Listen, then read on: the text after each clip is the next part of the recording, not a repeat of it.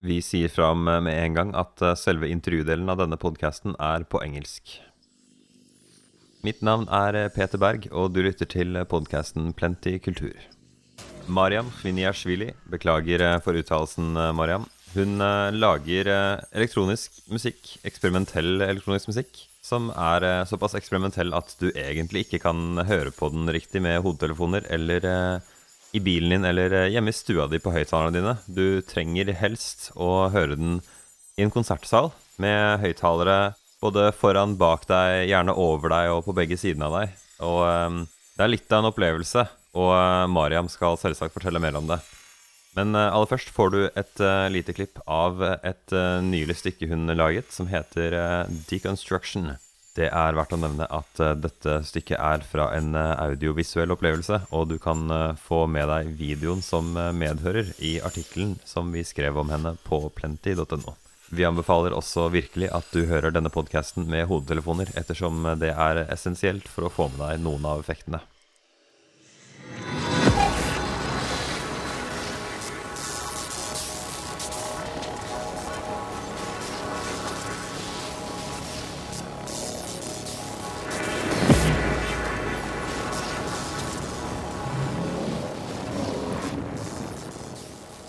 And we're recording. Welcome to the podcast, Miriam. Hi, hi. It is uh, Monday evening at the time of this, and I'm wondering, first of all, uh, how are you doing and what have you been up to today? I understand you were at a studio working. Oh, yeah, I spent a day in the studio, in the multi channel studio of Notam, working on a new piece. But generally, yeah, I'm trying to be good. You know, the whole this corona situation makes it a bit hard to feel great nowadays, but I'm, I'm doing my best trying trying to keep yourself busy. Yeah, yeah, yeah, yeah. I'm I'm very interested in uh, talking about your work, but I also kind of need to know before like how you ended up being interested in pursuing the kind of music and sound art that you make, and not to mention how you ended up in the same icy country in which I live. Yeah, well, those two are closely connected. Um, I moved to Norway for the first time in 2011 uh, while participating in the exchange program.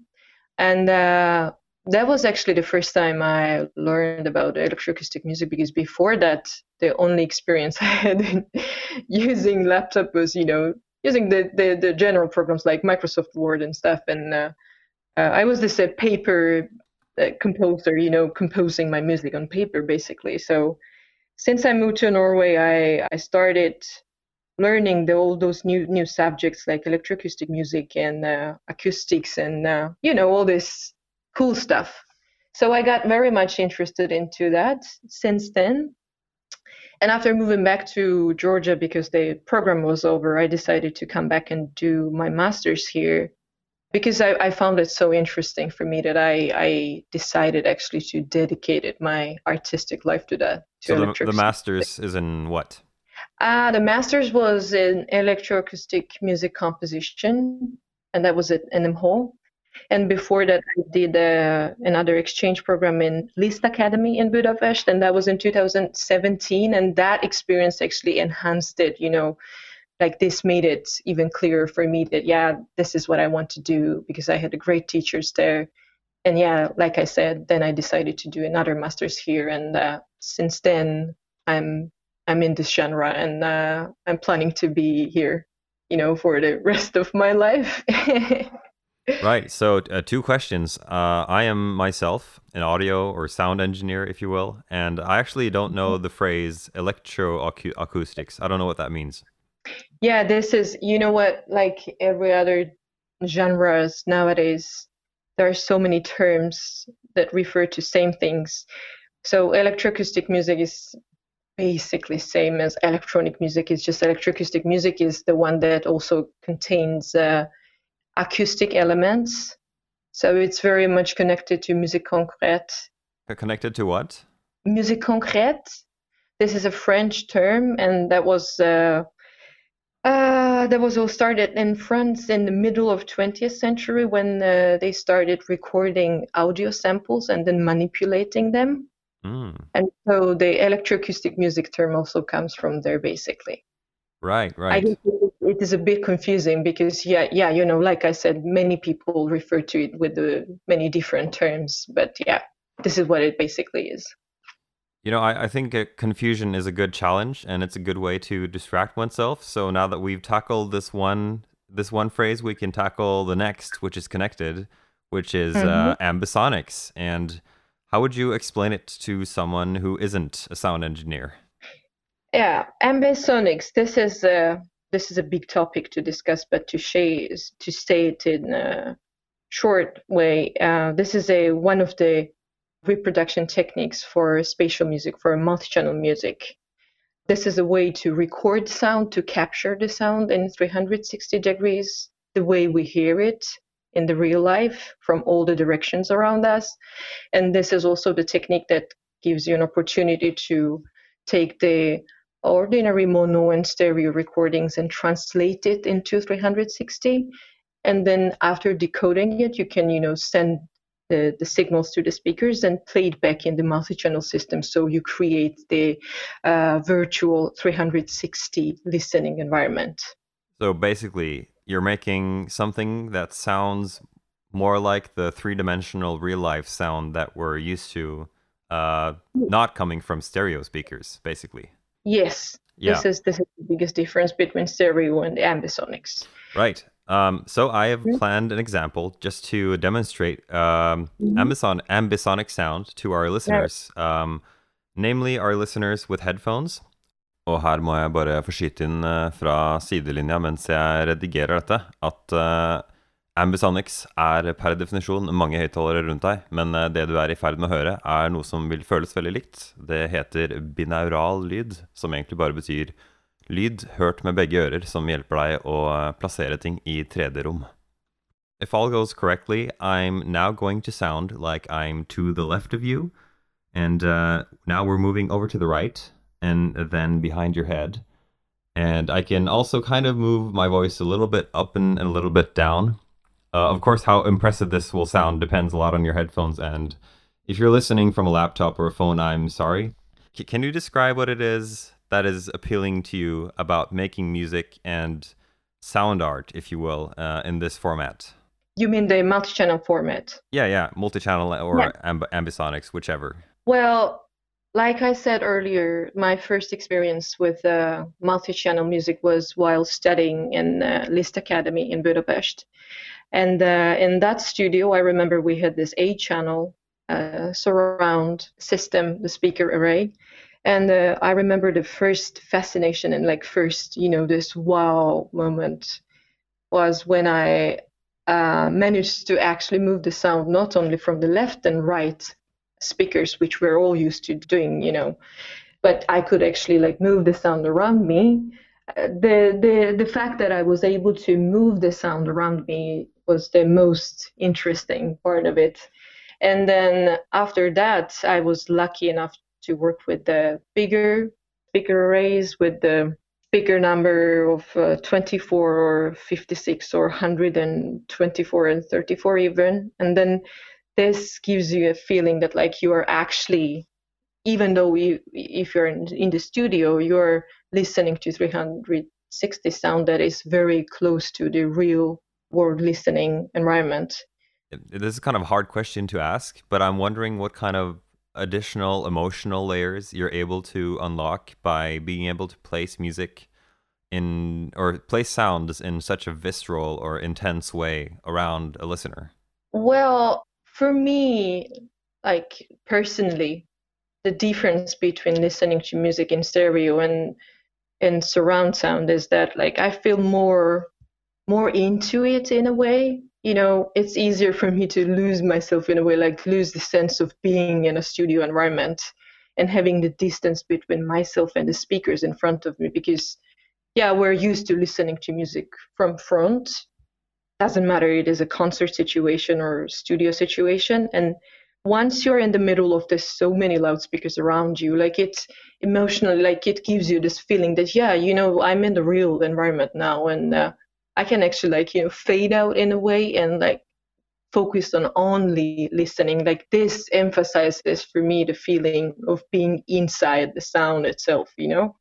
and that that's what makes it most interesting for me. And I talked to several uh, listeners, like several members of the audience after our concerts, the ones who come and experience this music for the first time. And the first thing they mention is the exact same thing. Like, yeah, you know what? I, I could I could totally focus on the sound only, and I I lost the perspective. I lost the feeling that I was in the concert hall or in the studio. I'm I'm also interested in because I've read a bit up on your work. Well, obviously because I'm uh, here talking to you, uh, and I don't see so much information or talk of headphones. And uh, it's not that I think that you should be working more towards headphones, but I'm um, I've always thought since I was uh, since before I was working with sound myself, I always thought, well, humans have two ears and headphones have two speakers directly on top of the ears, and therefore you should be able to basically make something sound like it's wherever based on only those two speakers. But obviously, like there's a lot of technical and very very nerdy factors, like really deeply geeky stuff that goes into why that doesn't quite work, especially if you don't have very expensive uh, headphones. Uh, but, but, but I'm wondering if you've um, been tr- trying out some stuff that is only possible on headphones. Uh, for instance, having a sound, uh, let's say a voice is uh, panned or put placed directly to the right of your ear or in only one ear that's like a, a thing mm-hmm. that doesn't happen in real life. And like if you hear a loud sound on your right ear, that's not something that's really possible only on one ear because you will also have the sound travel over to the other ear and you'll hear it on both sides. Mm-hmm. And it kind of creates this surreal feeling. And also, there's also this phenomenon which you might know where if you play bass on only one side, uh, some people actually feel like some people actually feel sick and i haven't found yeah. this actually confirmed but some people apparently also throw up so i'm wondering if you've been experimenting with like some stuff that is only possible on uh, two speakers like headphones placed directly onto your ears not really not to be honest now you made me think about it you know yeah this is really interesting I, i've never tried anything like that but it would be really interesting to do something that is only possible on headphones. Uh, For example, I... the one earbud, like you said. Yeah, this is really interesting. But yeah, I was I was hoping you'd have more to say about headphones, but it, it's really interesting to me that you haven't uh, considered that because because I I listened to some of your stuff and there's some. Mm-hmm. Uh, interesting sound play going on where like the bass is different on the left and right side on of the headphones, which is something that's impossible in real life because bass always sounds like it's coming from the same place in real life.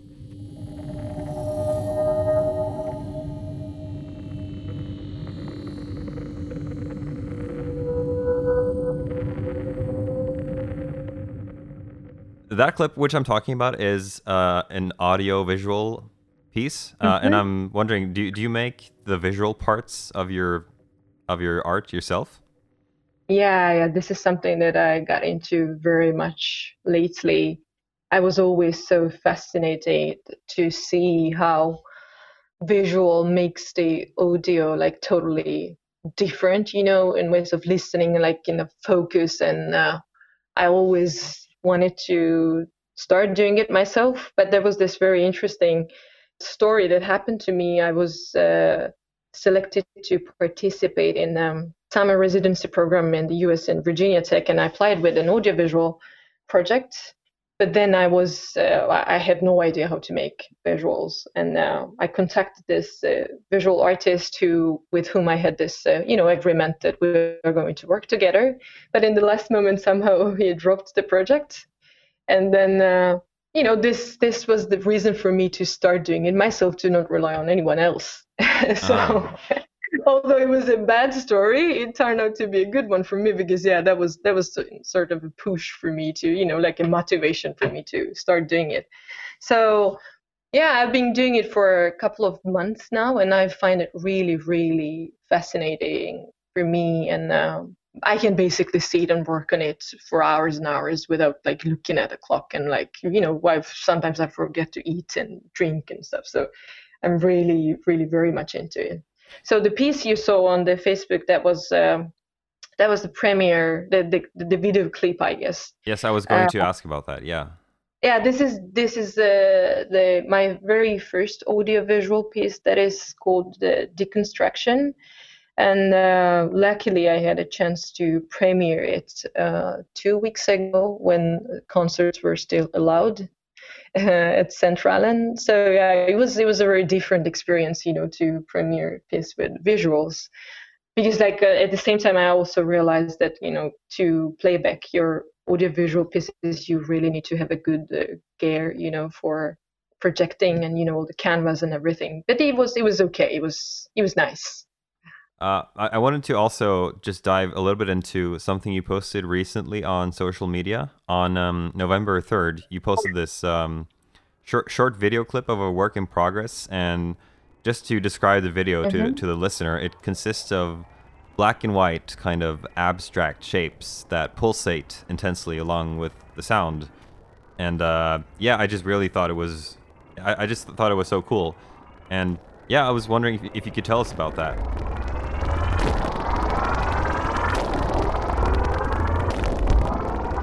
Hvis du vil få med deg den eh, medhørende videoen til eh, dette stykket, så kan du gå på Mariam sin Facebook-side og se på videoposten fra 3.11. This is something that I'm working on right now.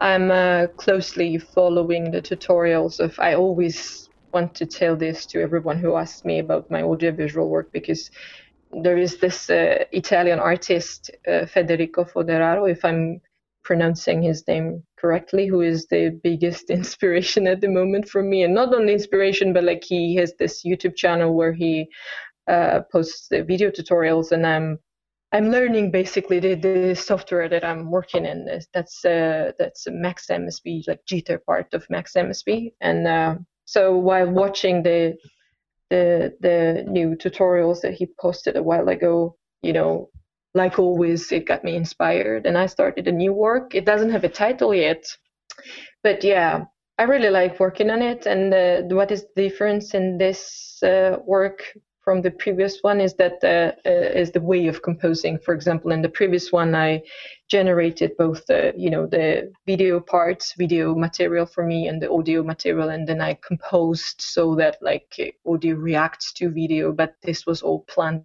in advance.